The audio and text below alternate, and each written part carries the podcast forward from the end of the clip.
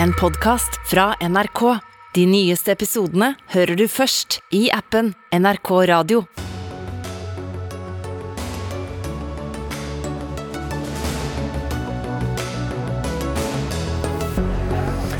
For tre måneder siden takket hun ja til å fortsette som leder av MDG. I dag ga Une Bastholm beskjed. Hun orker ikke mer. Han ble hentet hjem fra London for å sikre investeringene til oljefondet. I dag la han frem det dårligste resultatet i oljefondets historie.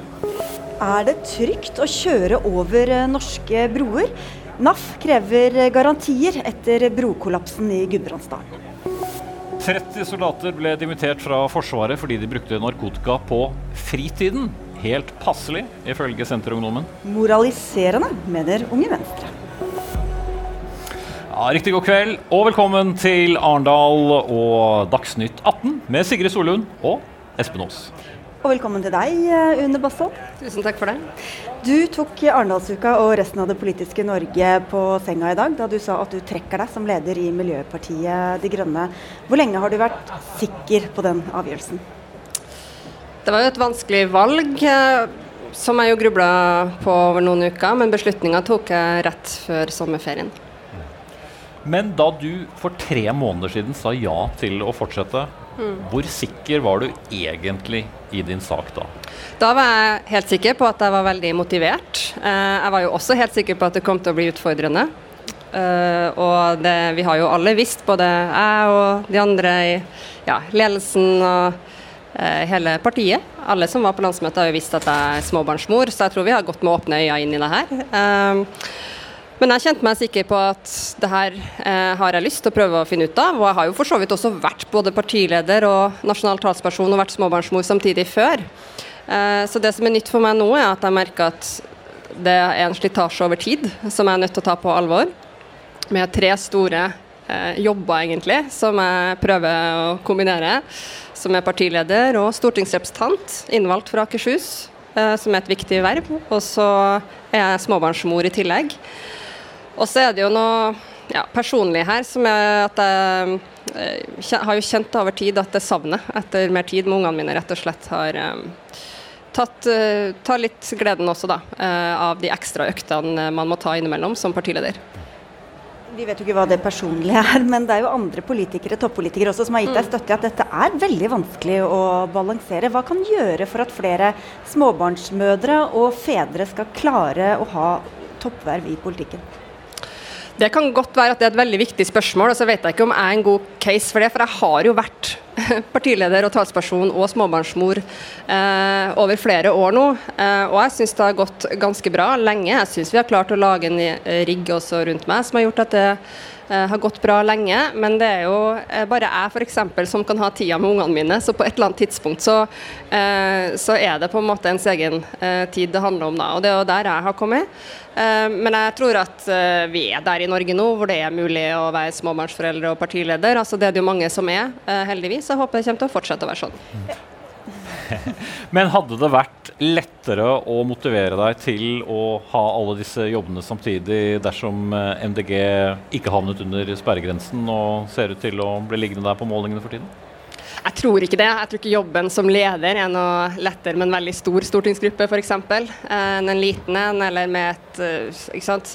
Nei, jeg tror ikke det. Jeg tror at uh, det her handler om noe, slitasje over tid for min del, uh, som man skal regne med i den typen uh, livsstilsvalg som det på en måte er da, å være partileder.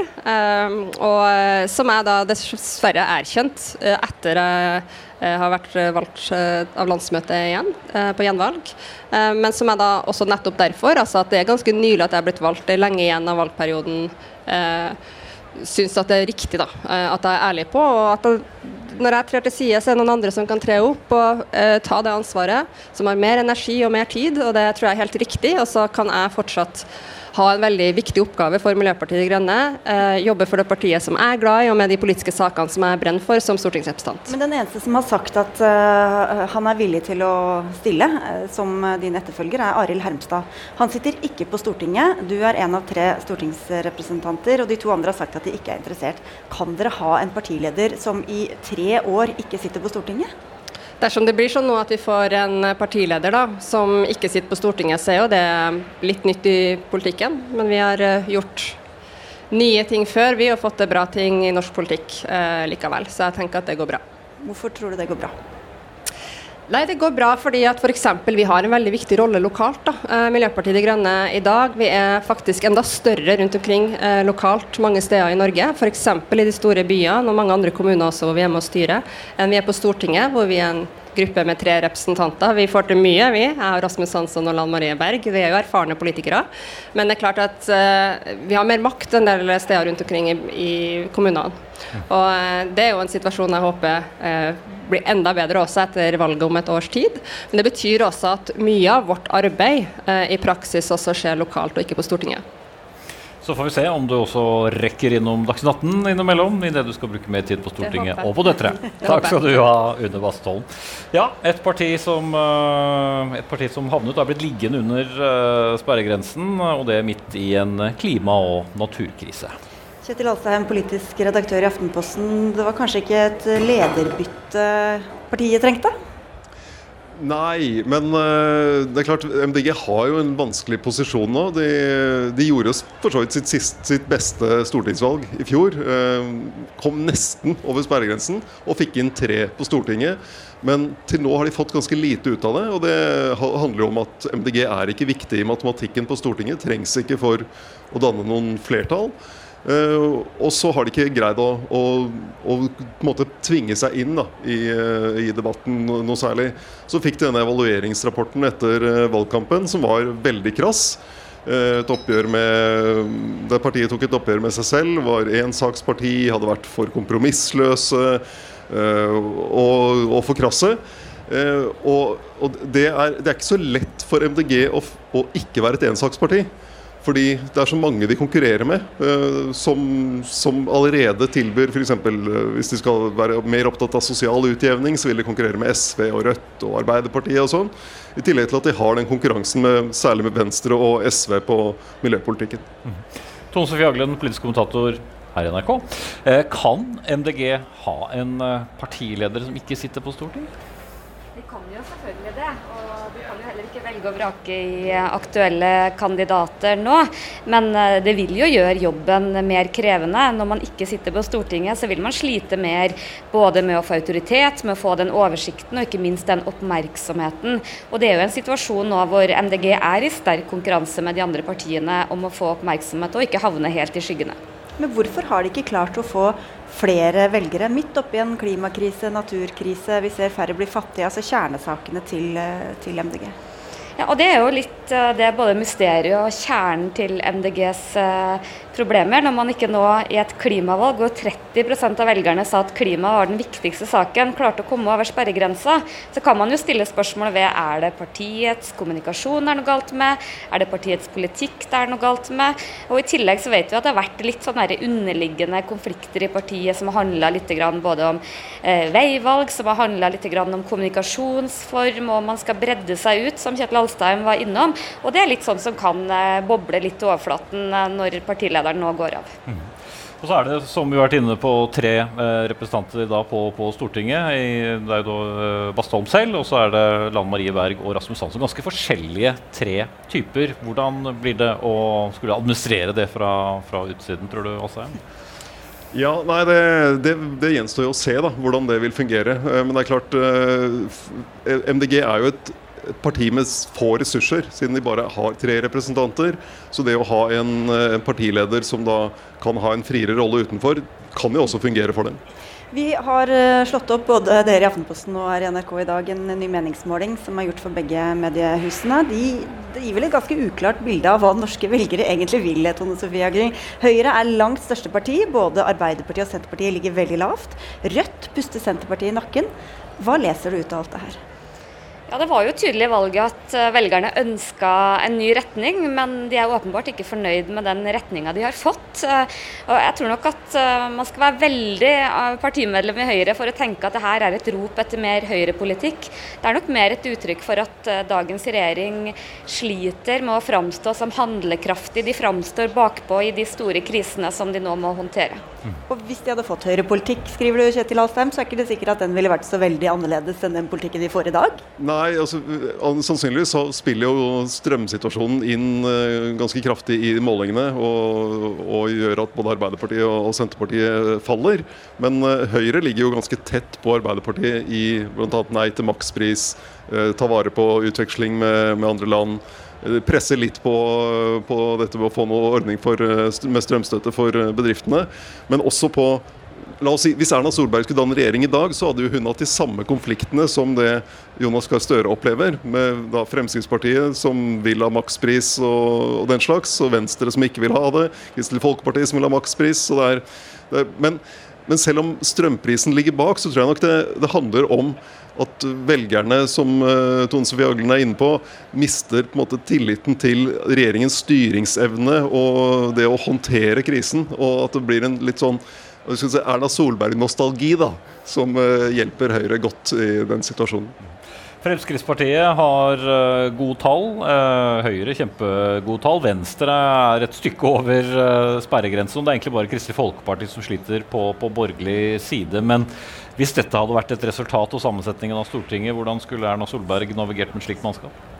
Nei, Jeg tror nok at hun skal være eh, litt glad for at det her bare er eh, på papiret. For det er jo langt unna en borgerlig samling på Stortinget i dag. Bare strømkrisen er det jo veldig forskjellige løsninger på. Og det er jo absolutt ikke noe åpenbar regjeringskonstellasjon, så de nyter nok litt godt av at eh, det akkurat nå er en fordel å være i opposisjon. I morgen kveld så er det partilederdebatt her på NRK.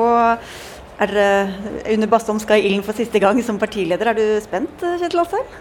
Eh, jeg gleder meg til den debatten eh, med, med, og ser med, med, større spenning enn normalt, nesten. For det er, det er så, situasjonen rundt den. Det er så mange ting i spill her. Strømkrisen har vært innom, krig i Europa, inflasjon. Norges Bank kommer til å sette opp renten i morgen. Og så da disse målingene og situasjonen for regjeringen. Så det er hvordan, ikke minst hvordan Støre og Vedum skal greie å fremstå som at de er på lag, det er jeg spent på. Men Det høres egentlig ut som dere konkluderer med at alle skal være litt glad for at det ikke er et valgår? Altså, jeg tror hvis, hvis, eh, det hadde vært valg nå, og Høyre hadde fått over 30% og et solid flertall med da Fremskrittspartiet og Venstre, og så kunne de ta med KrF for å være greie Jeg tror ikke Høyre hadde vært misfornøyd med det, egentlig. Kjetil Asheim og Tone Sofie Jagling og Une Bastholm, takk skal dere ha for at dere var med i Dagsnytt 18. Og mens uh Du ble cancela, Espen. Sånn er det. Det jeg skulle, det jeg skulle si før denne vignetten kom, var at mens eh, altså voksenpolitikerne enten blør eller vinner velgere på å snakke høyt om strømkrisen, så får vi senere i sendingen besøk av uh, ungdomspolitikere som nok skulle ønske at politikerne hadde litt annet å snakke om. Da skal vi til brokollapsen. Ja. Arbeidet med å rive 13 bro ble i dag utsatt, noe som betyr at E6 gjennom Gudbrandsdalen blir stengt i enda noen dager. Dette med kollapsen har resultert i at uh, i alt 14 trebroer rundt om i landet ble midlertidig stengt, mens vi venter på å få vite hvorfor dette skjedde.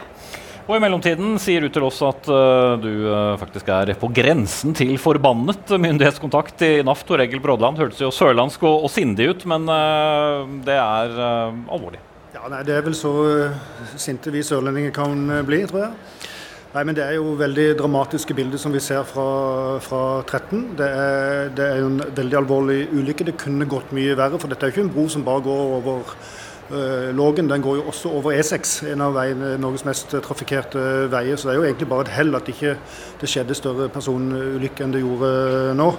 Og Det som vi eh, stiller spørsmål om, er jo nå at dette var en bro som ble kontrollert i 2021. Den ble kontrollert i 2022, og så kollapset den på den måten som den har gjort nå. Og Hvordan kan man stole på at kontrollene er gode nok når den eh, bro kan kollapse tre måneder etter en uh, kontroll. Vi har mange medlemmer, en halv million medlemmer. Mange av de er nå uh, redde. De er sinte, de er usikre, fordi at det er ting som ikke skulle skje, har, har skjedd. Og jeg mener at statsråden, samferdselsministeren, må garantere at veiene i Norge er trygge, at broene er sikre, og at kontrollene som utføres er gode, og at de følges opp.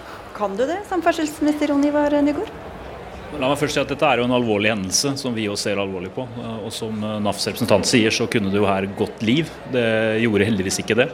Og med det bildet som nå har blitt etter at denne hendelsen fant sted, så har vi faktisk ingen kunnskap om årsaken. og da har Statens vegvesen valgt i samråd med fylkeskommunene å stenge de øvrige broene. og Det er en beslutning jeg er komfortabel med, og som jeg tror er riktig å gjøre nå. Så hvis jeg spør er det trygt å kjøre over norske broer, så er svaret vet ikke? Det er trygt å kjøre på norske broer, men dette er jo en føre-var-strategi. Det er jo ikke sånn at vi nå tror at disse broene i utgangspunktet er farlige, men vi ønsker å være føre var. Men Dere trodde vel ikke at den var farlig, den som kollapset heller? Nei, selvfølgelig gjorde vi ikke det. Og det er jo det som jo alle stiller seg spørsmål om i dag. Hvordan kunne det skje? Og det er det viktigste nå å få i gang en uhilda granskning som kan avdekke årsaksforhold, sånn at vi kan lære av det.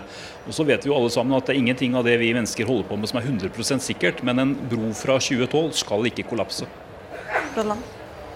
Nei, jeg, jeg, setter pris på at statsråden eh, kan prøve å garantere at veiene er trygge. men jeg jeg tror ikke helt nervøsiteten forsvinner hos norske bilister av den grunn. fordi at det, det, som ikke skulle skje, det har, det har skjedd. Mm. For Det mest urovekkende her må vel egentlig være at noe som er kontrollert i så nær fortid, likevel kollapser? Ja, jeg er enig i det. Eh, jeg er enig i det. En bro fra 2012 er etter våre alles perspektiver nye infrastrukturtiltak, så det skal ikke kunne skje. Og Vi vet ikke nå hvorfor det skjedde, og det er jo veldig viktig å finne ut av det. fordi eh, da må vi jo undersøke umiddelbart om det er sårbarheter i andre av våre, våre trafikkinstallasjoner, veier, broer etc. Bra da. Det er et par spor som jeg mener statsråden eller Statens vegvesen bør følge opp. Det ene er at det er ganske lange frister for å følge opp feil som blir avdekket.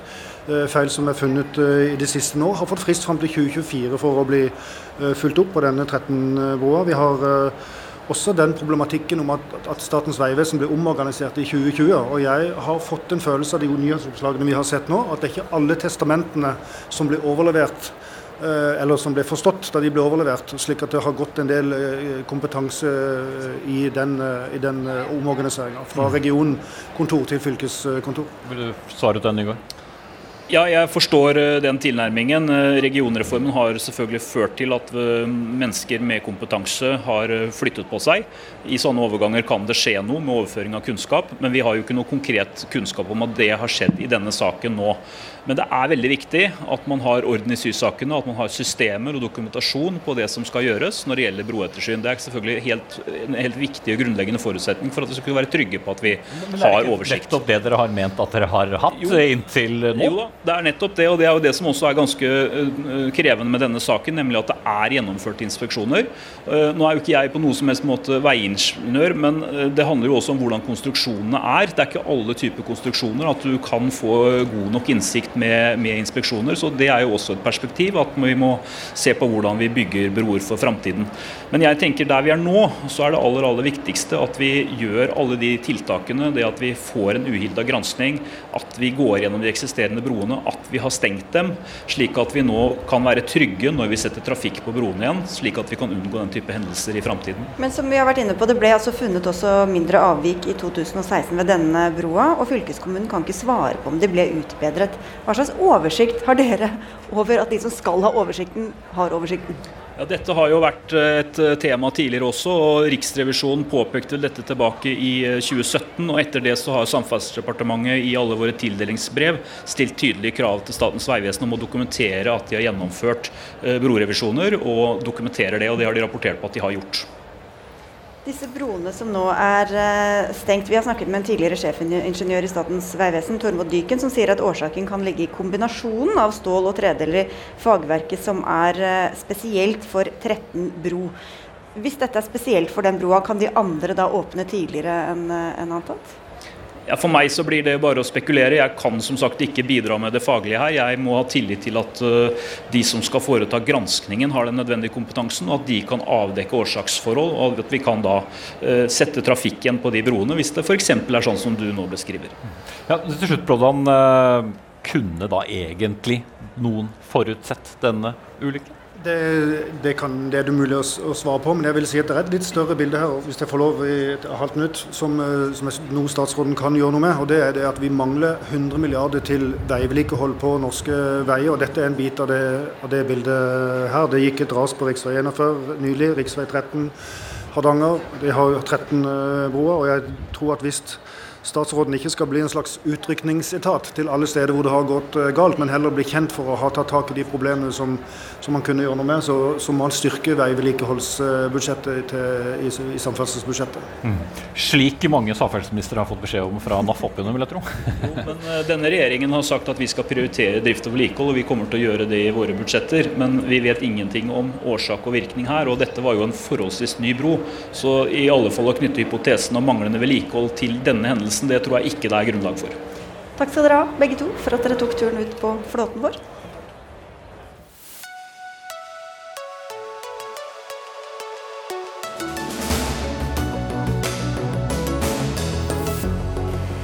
hva får du egentlig for 1680 milliarder kroner nå til dags, Espen? Du, jeg sjekket. Du kan faktisk drive Norge i over eh, ett år. For det er en sum som er høyere enn et norsk eh, statsbudsjett. Og like store summer gikk altså tapt i oljefondets halvår pga. Ja, uro i markedene, som man sier. Oljefondsjef Nikolai Tangen, du er da sjef og ansvarlig for, øverste ansvarlig for disse investeringene. Hvordan syns du dette halvåret gikk selv? Nei, Det var jo et uh, vanskelig halvår pga. krig i Europa. Uh, økt prisstigning, høyere renter, uh, økt energi osv. Og, så og mye geopolitisk uh, usikkerhet. Så det var et svakt, svakt år for markedet og for fondet. Men øh, jobben din og, og, deres er jo da å agere så riktig man kan i, i dette markedet. Da et uh, nedgang på over 14 uh, på seks måneder. Kun, kunne dere gjort annerledes? Ja, det er vanskelig å si. Altså, vi er jo et såkalt indeksnært fond, så vi uh, investerer jo ganske tilnærmet lik det som verdensindeksen er. Så det vi kan gjøre, det er jo å forsøke å gjøre det litt bedre enn det markedet gjør. Og det gjorde vi i eh, det første halvåret. Vi gjorde det ca. 150 milliarder bedre enn det indeksen vår gjorde. Og det er på en måte de tingene vi kan skru på internt. Hvorfor klarte dere ikke det denne gangen, da? Hvorfor, vi ikke hvorfor, hvor, altså, hvorfor klarte dere ikke å, å, slå markedet, for å si det sånn? Jo, vi, slo, altså, vi gjorde det 150 milliarder bedre enn markedet denne gangen. Og det er faktisk uh, første gang på 20 år at vi har slått markedet i et sterkt, sterkt uh, fallende marked. Mm. Men egentlig så hadde man fått bedre ut av pengene ved å putte dem i madrassen? Absolutt. Eh, det har man alltid når aksjemarkedet går ned. Da er det bedre å ha det i madrassen. Men du skal jo ha en ganske stor madrass. Ja. Nei, så stor madrass eh, har vi altså ikke. Eh, men vi har jo også penger i obligasjonsmarkedet. Men det som skjedde i det første halvåret, var at renten gikk opp. Og da går også verdien på disse obligasjonene ned. Så eh, vi tapte altså penger både på aksjer og på obligasjoner, og det er ikke så ofte at man gjør. Du hadde jo varsla at det kom til å gå, gå, ned, men var dere forberedt på at det kom til å tappe så mye? Nei, altså eh, I løpet av fjoråret så begynte jo vi å snakke om at vi var eh, nervøse for geopolitikk og for eh, prisstigning. Og det eh, skjedde jo i første halvår, men vi hadde jo ikke trodd at det skulle skje for det første så fort og så kraftig.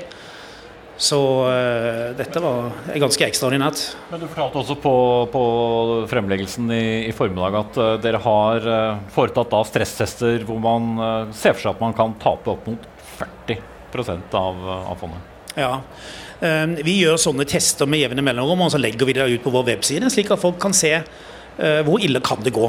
Og Den verste kombinasjonen man kan ha, det er prisstigning sammen med at økonomien går ned. Og sånn som det er nå, med andre ord? ja, vi har sett eh, noen tegn på det, ja.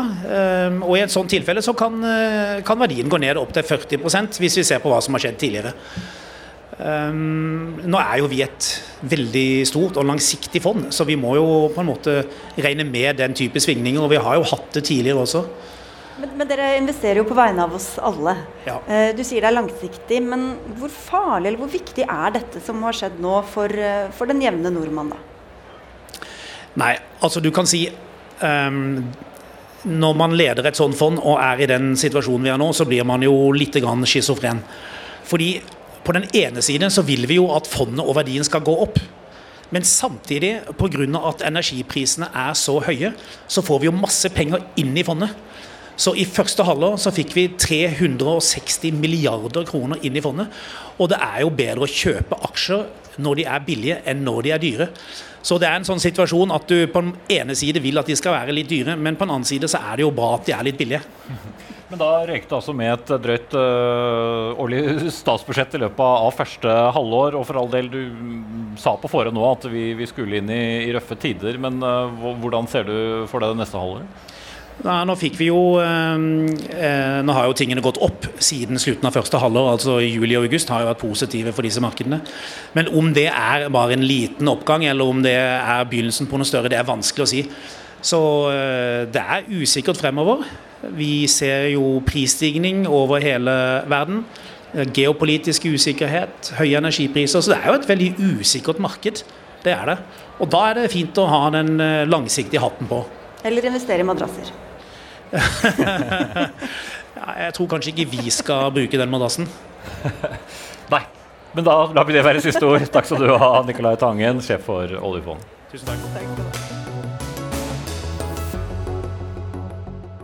Etter eh, ti år med debatt la regjeringa fram forslaget sitt til ny boklov i dag. Ja, og Hensikten med loven er å hindre at bokhandlerne ikke skal konkurrere uh, på pris uh, mellom seg for, uh, for, nye bøker, og sikre forlagene stabile inntekter, som det heter, bl.a. gjennom fastpris for bøker. Og I forslaget ligger, ofte, ligger også oftere tilbud på bøker og tidligere tilgang på lydbøker. Odin Alsten Aunan Boman, du er statssekretær i Kulturdepartementet. Som leser, hvilken glede får jeg av en ny boklov? Hele eh, økologien innenfor litteraturfeltet eh, vil få en glede av en boklov som, eh, som regulerer hele litteraturmarkedet. Det er alt fra utvikling av selve boka til forlagene, til bokhandlerne, til leserne. Eh, og som leser så vil du jo da fortsatt bli sikra et mangfold av titler å velge mellom. Ikke bare bestselgere, ikke bare overskrifter, men også de litt smalere eh, debutene, eh, diktbøkene og sakprosabøkene. Altså, denne bokbransjen er ikke helt intuitiv, det kan vi vel kanskje være enige om. Og det finnes jo allerede fastpris, altså det er regler for når nye bøker kan settes ned i pris. Hva er forskjellen på det systemet vi har i dag, og det dere ønsker? Slik det er i dag, så er det jo et eh, fastprissystem som gjør at uh, det avhenger av når du gir ut boka di. I regjeringens forslag nå så foreslår vi jo en obligatorisk periode som gjør at det er en fastlagt periode fra utgivelsesdato, og ikke fram til 1. mai påfølgende neste år.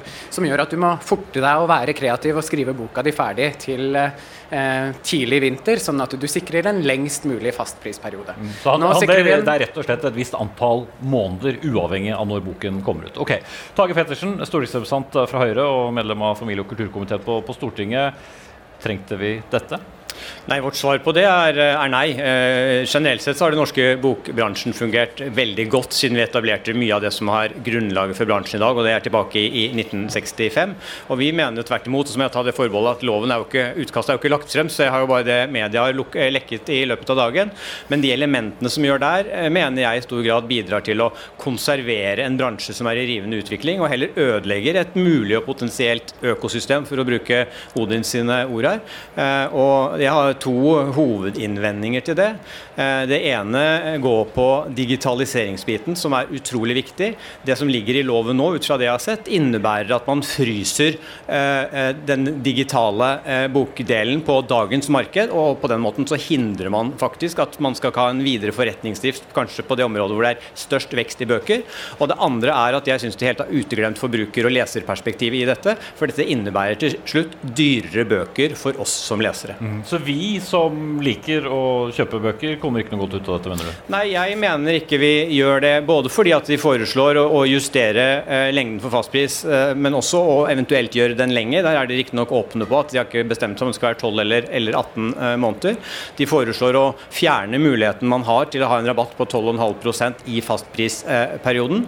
og i sum så vil dette innebære at det blir dyrere å kjøpe nye bøker. Bøker er ferskvare, og de fleste vil kjøpe bøker når de er eh, forholdsvis eh, nye. Så nei, for forbrukerne er ikke nødvendig godt. Og ellers er dere veldig opptatt av sosial utjevning. Hvorfor skal litteratur, ny litteratur være for de eh, velbeholdne? Dette er sosial utjevning på sitt aller beste. For det betyr at bestselgerne må være med og dra opp eh, nye forfatterstemmer som eh, sikrer en bredde og et mangfold av litteratur. Men Det høres jo veldig fint ut, men hva er mekanismen? Hvorfor gjør bestselgerne det?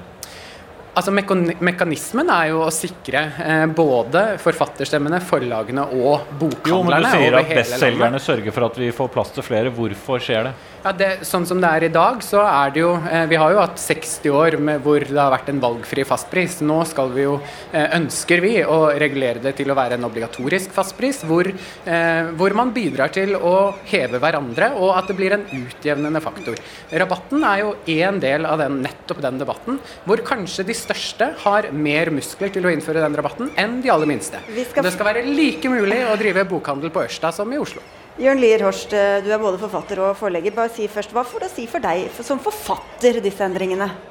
Du, eh, ja, dette er jo ikke noe vi forfattere sitter og snakker mest om når vi sitter oppe sene kvelder. Men, men de forfatterkollegene jeg har rekt å, å snakke med, de ønsker jo denne bokloven velkommen.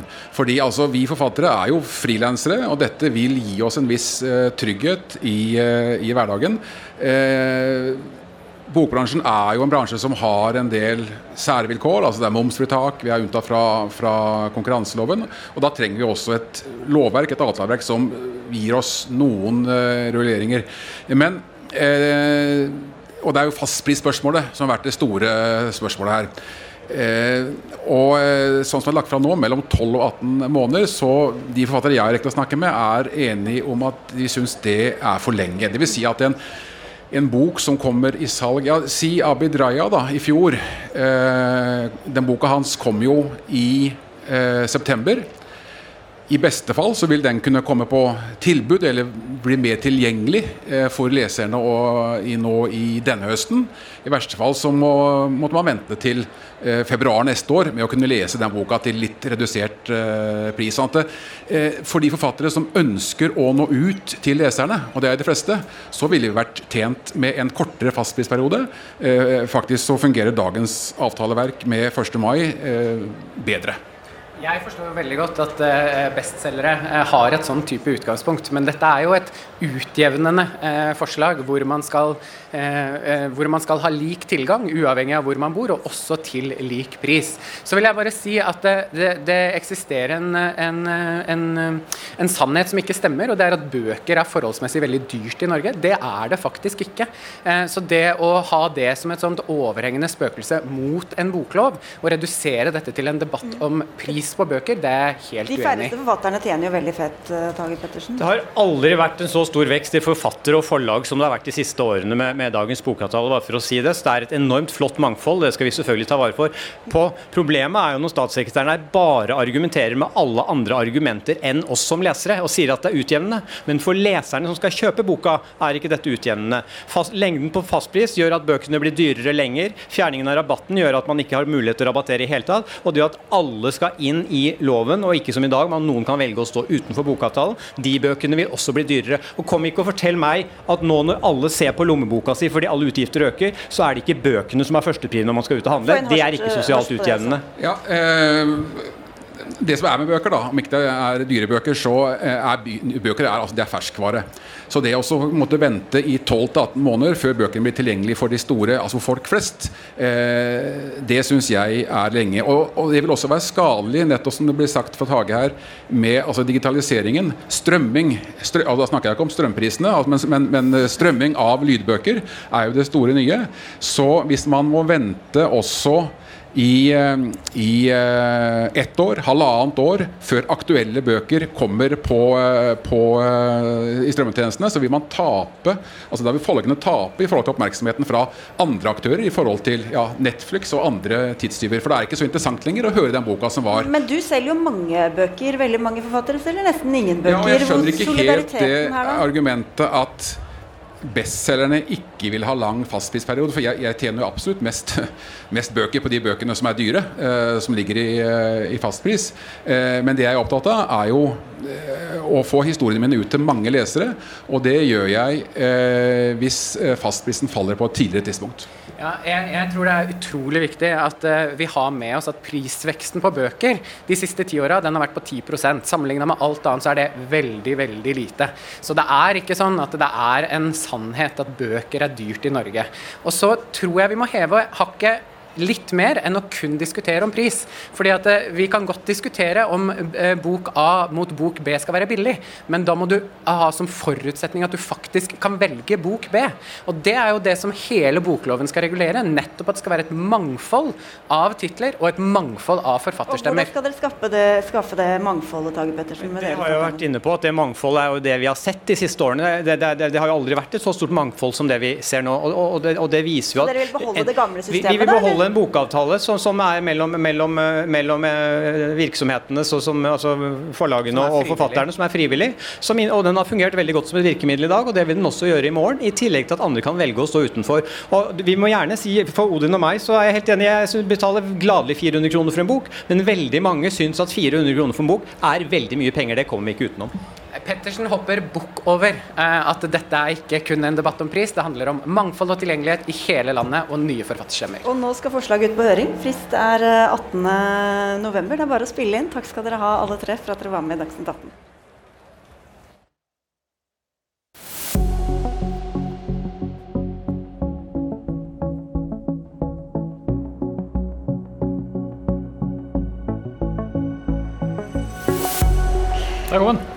mange debatter har vi hatt i Dagsnytt 18 om strømpriser og kraftsituasjonen og støtteordninger, Espen? Jeg tror det er omtrent like mange ganger som politikere har startet med å si først, vil jeg bare si at Altså en milliard? Ja. Mm. Det er jo også energisituasjonen som preger mange av de debattene som foregår her på arrangementer i Arendal. Men Astrid Hoem, du er leder i AUF. Hva syns du om proporsjonene dette får i debatten? Så jeg er jo enig i at man må gjøre mye for at norske familier har, eh, får en måned til å gå rundt. Men samtidig, når det nå diskuteres at man skal gi strømstøtte til bedriftene, selv om mange bedrifter går med store overskudd, og man diskuterer det opp og ned i mente samtidig som vi har en klimakrise vi skal løse, vi har krig på kontinentet. Eh, og det er en krig som vi kunne ha forutsett at skjedde. Vi har visst at det har vært en eh, konspirasjonsteorier og propaganda, at det har bygd seg opp i at Russland også har tatt fra flere og flere rettigheter og beveget seg veldig mye. okay. Da burde vi heller diskutert hvordan vi kan kan bekjempe den fascismen som Putin står for. Og Da eksempel. er det jo vi i mediene sånn, som ofte skytes på. Men hvordan syns du politikerne selv klarer å nyansere og dimensjonere det her, da? Jeg tror det er krevende. Og hvis jeg skal være litt sånn høyttenkende og ærlig, så tror jeg også at den pandemien vi har vært gjennom, har gjort at vi tenker at det vi skal løse alt med, er at vi skal gi en ny krisepakke. Mens i realiteten at eh, strømprisene endrer seg, det mener jeg også at norske bedrifter må være forberedt på. Så skal vi gjøre noe for å få strømprisene ned totalt sett, men at vi skal bruke ganske mange milliarder f.eks. på å gi egen strømstøtteordning til, til bedriftene, samtidig som norske studenter ikke får måneden til å gå rundt, det er for meg veldig okay, merkelig. Vi skal ikke diskutere innretningen eller strømstøtte som sådan da, Ola Svenneby, leder i, i, Unge Høyre. Er dette en, eh, en, magnet for å få unge mennesker uh, interessert i politikk? Nei, det tror jeg ikke. Men jeg tror jo av og til at politikere kanskje skal gå litt i seg selv også. Fordi jeg tror jo én ting er hva strømmen koster og hvor mye folk bruker på å betale strømregningene sine.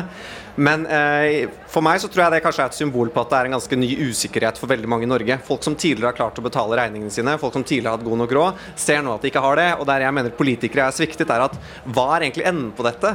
For det er veldig mange politikere som er ute og snakker om strømstøtte. Det er veldig mange som er ute og kritiserer regjeringen, det er veldig mange som er ute og kritiserer den forrige regjeringen.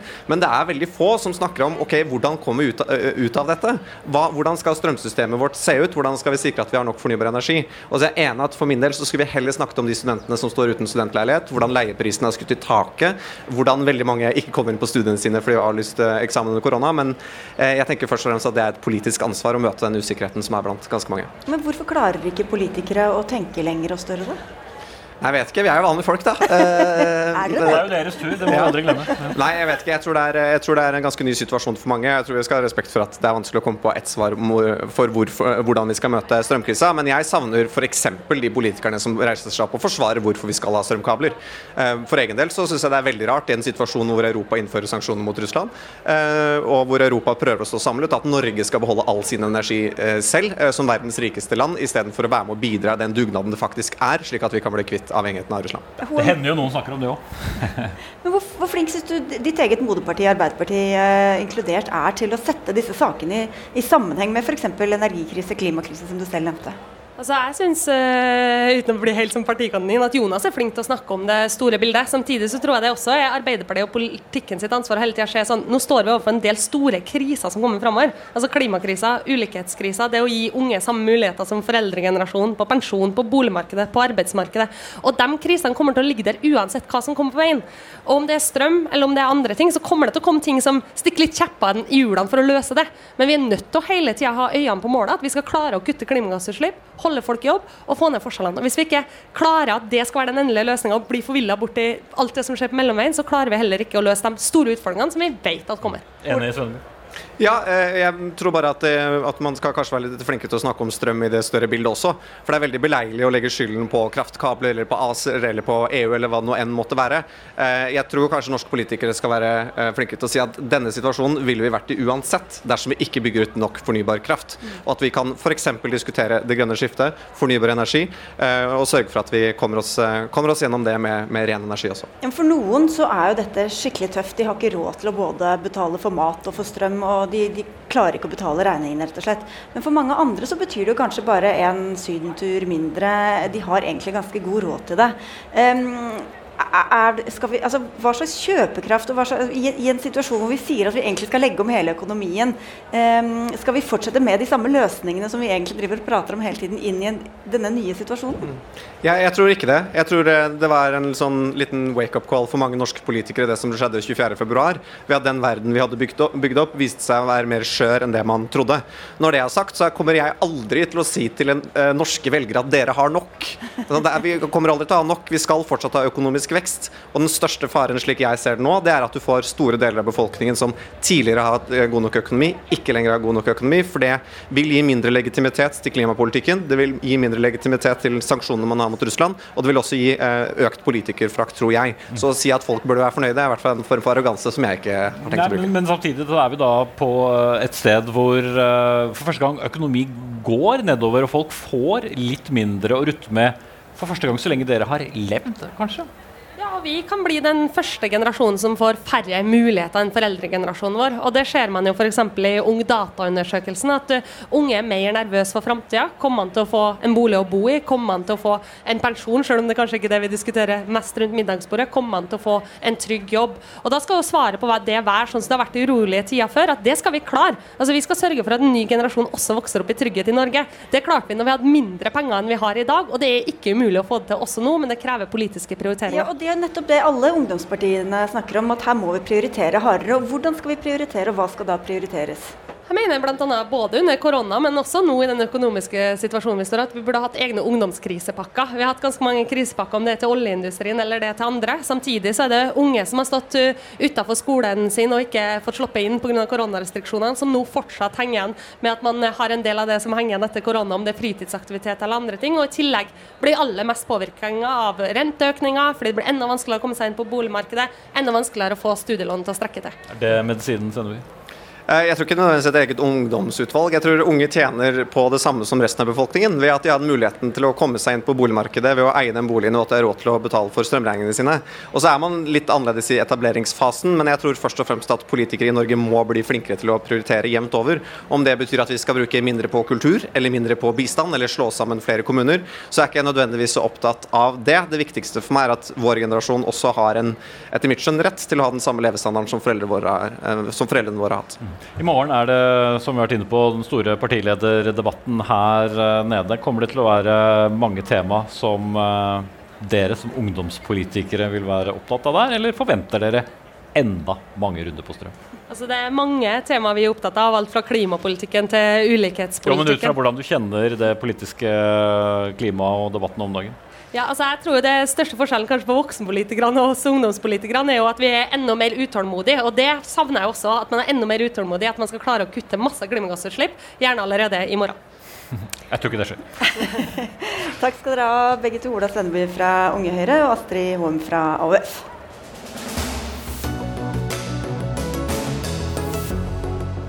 Som vi nettopp sa, det meste blir dyrere, og mange lurer på hva de kan gjøre for å holde utgiftene nede utover høsten og vinteren. Mm. Og din uh, favoritt-allmennkringkaster, uh, nrk.no, har uh, åpnet nettsiden i dag, slik at folk kan stille spørsmål til eksperter om sin egen økonomi. Og de har kommet inn i studio til oss nå. Jørge Jensen, fagdirektør i Forbrukerrådet, og Randi Mariama, leder for personalmarked i Nordea. Hva er det dere får mest spørsmål om? Det er veldig mye spørsmål rundt strøm og strømprisene, selvfølgelig. Men også hvordan man generelt sett skal få endene til å møtes. Nå som matvareprisen matvareprisene øker og ja, generelt at husholdningsøkonomien blir tøffere. Da. Mm. Hvordan svarer du på det? ja, det er, jo, eh, det er jo en del ting man kan gjøre. Ikke sant? Jeg tror det beste er å prøve å få litt kontroll. For det er litt panikk eh, nå. Så det å få litt kontroll på hva du bruker pengene på Kanskje gå gjennom abonnement som du ikke bruker, eh, og sletter de. Altså Se litt på forbruket. Det er eh, det beste rådet. Yes. Jeg vil kanskje også legge til at eh, mange av oss har ennå ikke tatt i bruk disse hjelp, den hjelpa vi kan få f.eks. fra nettbanken, hvor vi har oversikt over hva vi har brukt penger på. Og når man, Særlig nå er det jo viktig å lage et budsjett, og da kan det være et godt hjelpemiddel. Så har vi også noen referansebudsjetter ute på nett som, som folk kan ta bruk av. og få litt mer kontroll over inntekter og utgifter. Vi har fått et spørsmål inn her som handler om når kan en gjennomsnittsfamilie regne med å få økt kjøpekraft igjen? Går det an å svare på det? Nei, Det er jo vanskelig å svare så spesifikt hvis man ikke kjenner til familien. Men det som vi kan si mer generelt, er jo at eh, de aller aller fleste har jo jobb. Altså Arbeidsledigheten er jo veldig lav i Norge. Så jeg antar også at denne familien har eh, jobb. Og vi har jo hatt en lønnsvekst også som som har vært eh, helt ok. Men nå er det jo sånn at prisene øker litt mer enn lønnen. Så, og det er jo det man forsøker nå å signalisere, at forbruket må reduseres for at vi skal klare å stagge prisene litt. Så denne husholdningen må jo også se litt på det. Mm. Det er vanlige folks tur også her i Dagsnytt 18, Espen. For en dag.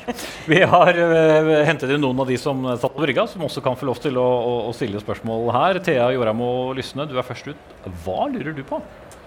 Jeg og min familie vi har begynt å vokse oss litt ut av den boligen vi har i dag. Og så lurer vi på, da, nå når det er varsla høyere renter fremover, og allerede kommet høyere renter, er det lurt å kjøpe bolig nå, eller bør vi vente? Ja, Det er uh, alltid sånn at du ikke bør spekulere tenker jeg, når det gjelder bolig. Altså Bolig er jo et behov uh, man har. Uh, og det å time det riktig i forhold til et marked er ganske vanskelig. Men det må være behovsdrevet. Så som du sier, hvis du har behov for større plass, så er det jo absolutt verdt å, å lete litt. Men du må ta høyde for at du skal ha litt eh, økende rente. Og det vil jo banken snakke med deg om også. Og at du har en eh, liten buffer på konto, sånn at du kan håndtere uforutsette utgifter. Blir det flytting? Satser på det. ok, Vi takker deg. Ja. For det er flere som, uh, fra, fra brygga her i Arendal som, uh, som, har spørsmål om privatøkonomi. Marita Haug Haaland, ditt spørsmål? Ja, jeg har et spørsmål til Forbrukerrådet. Som eh, ja, alle andre nå når strømprisene skal opp og det ene og det andre matvarepriser og alt mulig. Hva er det lureste jeg kan gjøre da for min privatøkonomi? Jeg vil anbefale å ta utgangspunkt i de store utgiftene du har. Og Nå snakka vi litt i bak her, så jeg vet at dere eier et hus og har et boliglån. Det er egentlig Begynn der, for der er det store beløpet. Og så har du de andre forsikringene, at du går igjennom og ser eh, det, hva som finnes i markedet, og eventuelt vurderer nye, nye leverandører eller en annen boliglånsbank, eller en annen bank til, til boliglånet. Snakke med banken virker ofte lurt. Ja, det er nok ganske lurt. Tusen takk. Veldig nyttig. Ja, ja. Fornøyd der. Eh, du som kommer fra bank, man er jo opptatt av at eh, kunder betaler lånene sine. Men når du ser spørsmålene nå, får du inntrykk av Du nevnte litt der med panikk. Er det en litt sånn bråvoksen opplæring i å måtte forholde seg til egen økonomi etter år hvor det kanskje har gått bra for mange? Ja, det, Vi merker det på kundene at det er mange som ikke er vant til at rentene går oppover. Vi har jo hatt lave renter lenge, men også det kombinert nå med økte husholdningsutgifter. Så de spørsmålene vi får uh, veldig mye fra kundene nå, handler om dette. Um, og det er som sagt ulike grep man kan ta, så jeg vil råde dem til å snakke med sin rådgiver, som, uh, som kan gi litt tips.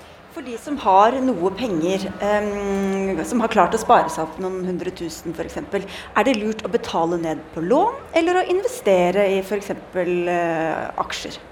Ja, det er bestandig lurt å kvitte seg med gjeld, fordi da tåler man f.eks. en fremtidig renteoppgang. Og Så er det jo hvor mye av denne gjelda man skal betale. Eh, ta i alle fall den dyre gjelda ta alt som har med forbrukslån eller kredittkort, det må man bare slette med en gang. Eh, og, og, så kan man jo se hvor langt ned man kan gå før, for, før man får de beste rentevilkårene. Eh, hvis man da kommer til at man har penger til over, så, så vil jo vi anbefale globale indeksfond som, som, en måte å spare på. Det gir en fin blanding av risiko, pris og, og avkastning. Det er en som spør her, Hva kan bli påvirket av høye strømpriser og kan bli dyrere, som vi kanskje ikke har tenkt på så langt? Ja, eh, det er vanskelig å svare på. Jeg tror igjen tilbake til det å ha en buffer. Altså, det er jo uforutsette ting. Vanligvis så sier vi du, du bør ha en månedslønn på konto for å håndtere at vaskemaskinen ryker. Eh, nå bør du kanskje ha to til tre månedslønner, fordi vi vet at eh, det kan være usikkert hvordan strømregningen faktisk faller inn i postkassa i år. Og kanskje kommer det også litt andre prisøkninger. Men hvordan skal man klare å spare opp det, da? Jo, nei, altså det som jeg ville si til det første spørsmålet, det, det, er kanskje en utgift vi ikke snakker så mye om. Eh, det er en del etterslep på den kommunale tjenester eller sånn type infrastruktur som også kan komme til å ramme oss. Ja, altså høyere kommunale avgifter f.eks.? Ja, vann, vannledninger etc. Så, så det, det, er også en, liksom, en, en utgift som kan kom ganske hardt. Mm. Vi skal snart uh, runde av. Det kommer inn mange spørsmål hele tiden. Og, et spørsmål som jeg tror, eller har hørt mange også stille, uh, det er hvorfor må man øke renta når alt annet går opp? Hvorfor gjør dere det i, i bankene? Ja, den vurderingen som Norges Bank, som jo setter sentralbankrenten, eh, gjør, det er jo å se på inflasjonen, altså prisøkningen. Og nå er det jo sånn at Etterspørselen, altså vårt forbruk, er litt for høyt i forhold til det tilbudet som finnes eh, der ute. Og for å stagge prisøkningen som vi alle kjenner på, så må prisen på kapital settes noe høyere. Mm. Vi blir tvunget til å bruke mindre penger. Det er fortsatt mulig å stille dere spørsmål i en halvtimes tid til. og Man kan gå inn på nrk.no og lese flere spørsmål og ikke minst svar. Det er det bare å gjøre. Tusen takk skal dere ha også for at dere kom til eh, Dagsnytt 18. Eh,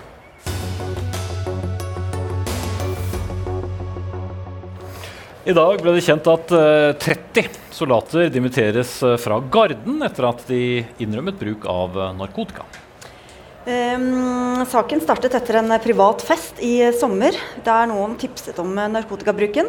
De rusa seg på fritiden, men Forsvaret har nulltoleranse uansett. Det kom noen flere opplysninger om saken for halvannen time siden. Det vi har avdekket, er det som på folkemunne kalles festdop. Kokain, ecstasy og marihuana, sier Gardesjef gardesjefen. Disse soldatene burde ikke fått noen reaksjon i hele tatt. Eh, Anne Breivik, leder av Unge Venstre, hvorfor ikke? Jeg syns jo denne nulltoleransepolitikken til Forsvaret fremstår som utdatert og uforholdsmessig streng. Her er det tale om vernepliktige som da har vært på permisjon og benyttet seg av rusmidler under permisjonen. Det er ikke mens de har vært på tjenestested, f.eks. Jeg ser rett og slett ikke den prinsipielle forskjellen mellom at uh, vernepliktige ruser seg på alkohol, eller at de ruser seg på cannabis når de no, da Noen vil si at det ligger en forskjell i hva som er lov å selge og ikke? Det kan man jo godt mene. Samtidig så er det tale om noe som har foregått på de vernepliktiges fritid. Og det er jo også et aspekt ved dette, at det nettopp har foregått på privaten. Det syns jeg heller ikke at arbeidsgiver skal eh, e-, Egentlig er noe som arbeidsgiver trenger å blande seg inn i her ved Forsvaret. Torleik Sele, du er leder i Senterungdommen, og du har stor forståelse for den eh, reaksjonen. Hvorfor var det riktig? Altså Jeg trodde nesten at dette var et tulleforslag fra Unge Venstre. Eh, fordi Unge Venstre har tatt til orde for en del ganske spesielle rusforslag tidligere. Men det er jo en gang sånn når man er i Forsvaret, så høster man veldig veldig stor tillit eh, på vegne av det norske samfunnet. Er du i Garden, så står du med en skarpladd automatvåpen i Oslo sentrum for å gjøre dine plikter, som du har sagt er villig til å gjøre for landet ditt. Og da mener jeg at vi faktisk er nødt til å stille en del krav for at man skal kunne bevare den tilliten. Eh, og når man bryter norsk lov med å bruke ulovlige rusmidler, så bryter man òg den tilliten man høster ved å være i Forsvaret. Men det er jo andre arbeidsplasser. Nå er ikke Forsvaret, det, det, er vel ikke snakk om arbeidsplasser nødvendigvis. Men eh, hva er den store forskjellen da, på en arbeidsgiver, eh, enten det er et sykehus eller det er NRK eller det er Senterpartiet, og, og, de som er i Forsvaret? Altså Den helt prinsipielle forskjellen her er jo den store tilliten man høster som soldat i Forsvaret. Altså Vi snakker altså om folk som står med automatvåpen i Oslo sentrum, eh, rett opp for å gjøre en jobb og beskytte både kongen og beskytte hovedstaden. Eh, og så har jeg også lyst til å på en måte eh, dra det litt videre til at det at man nå ønsker å ta dette her i forsvar, er jo liksom en sånn endeløs masing fra Unge Venstre om at man hele veien ønsker å myke opp rusregelverket, når vi heller mener at man må ta et skritt tilbake igjen og se hva er det som kan få, eh, føre til at vi bruker mindre rus i samfunnet. Breivik.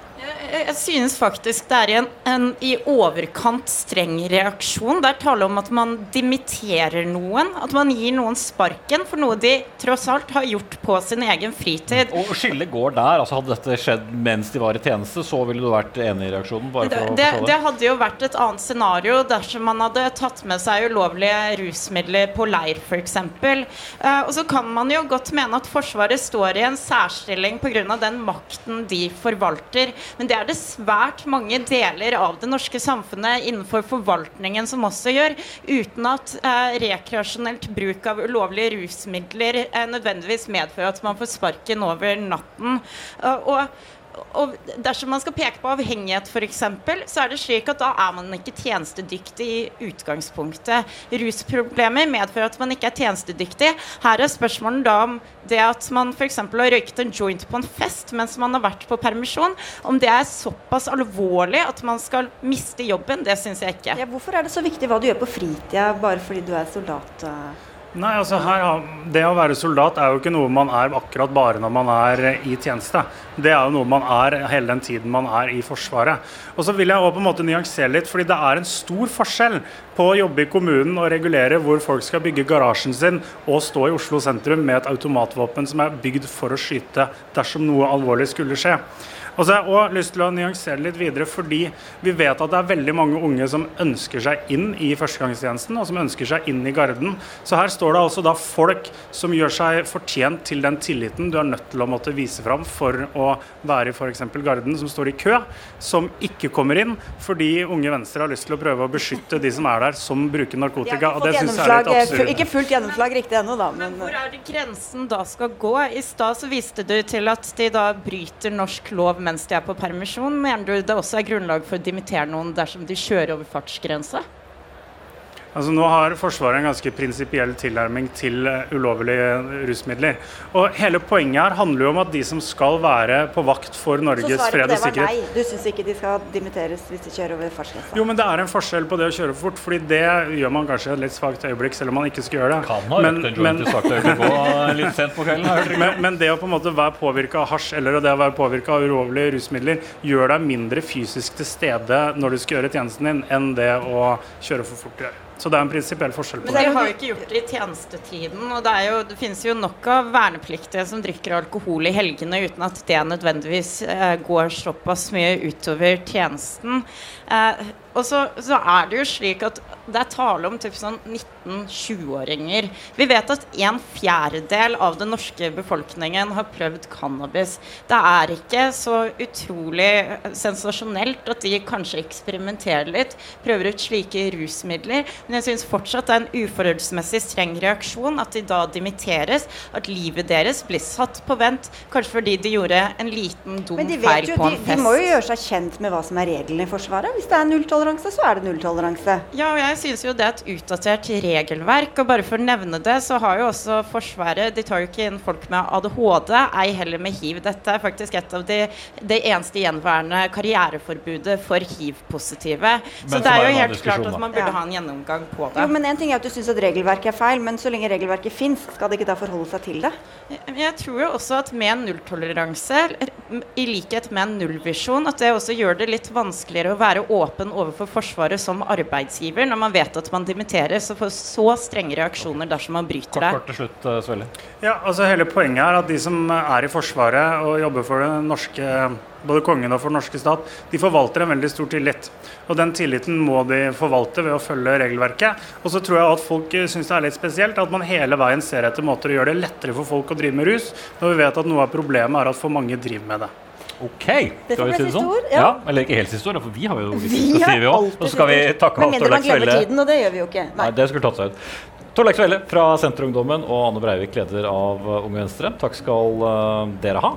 Vi er tilbake her i morgen, eh, gyngende klokka 18. Mm. Ta med sjøsykepiller og godt humør. Anne Katrine Førli var ansvarlig for innholdet i sendingen. Eli Kyrkjebø det tekniske. Sigrid Sollund og Espen Aas holdt dere med selskap. Takk for nå.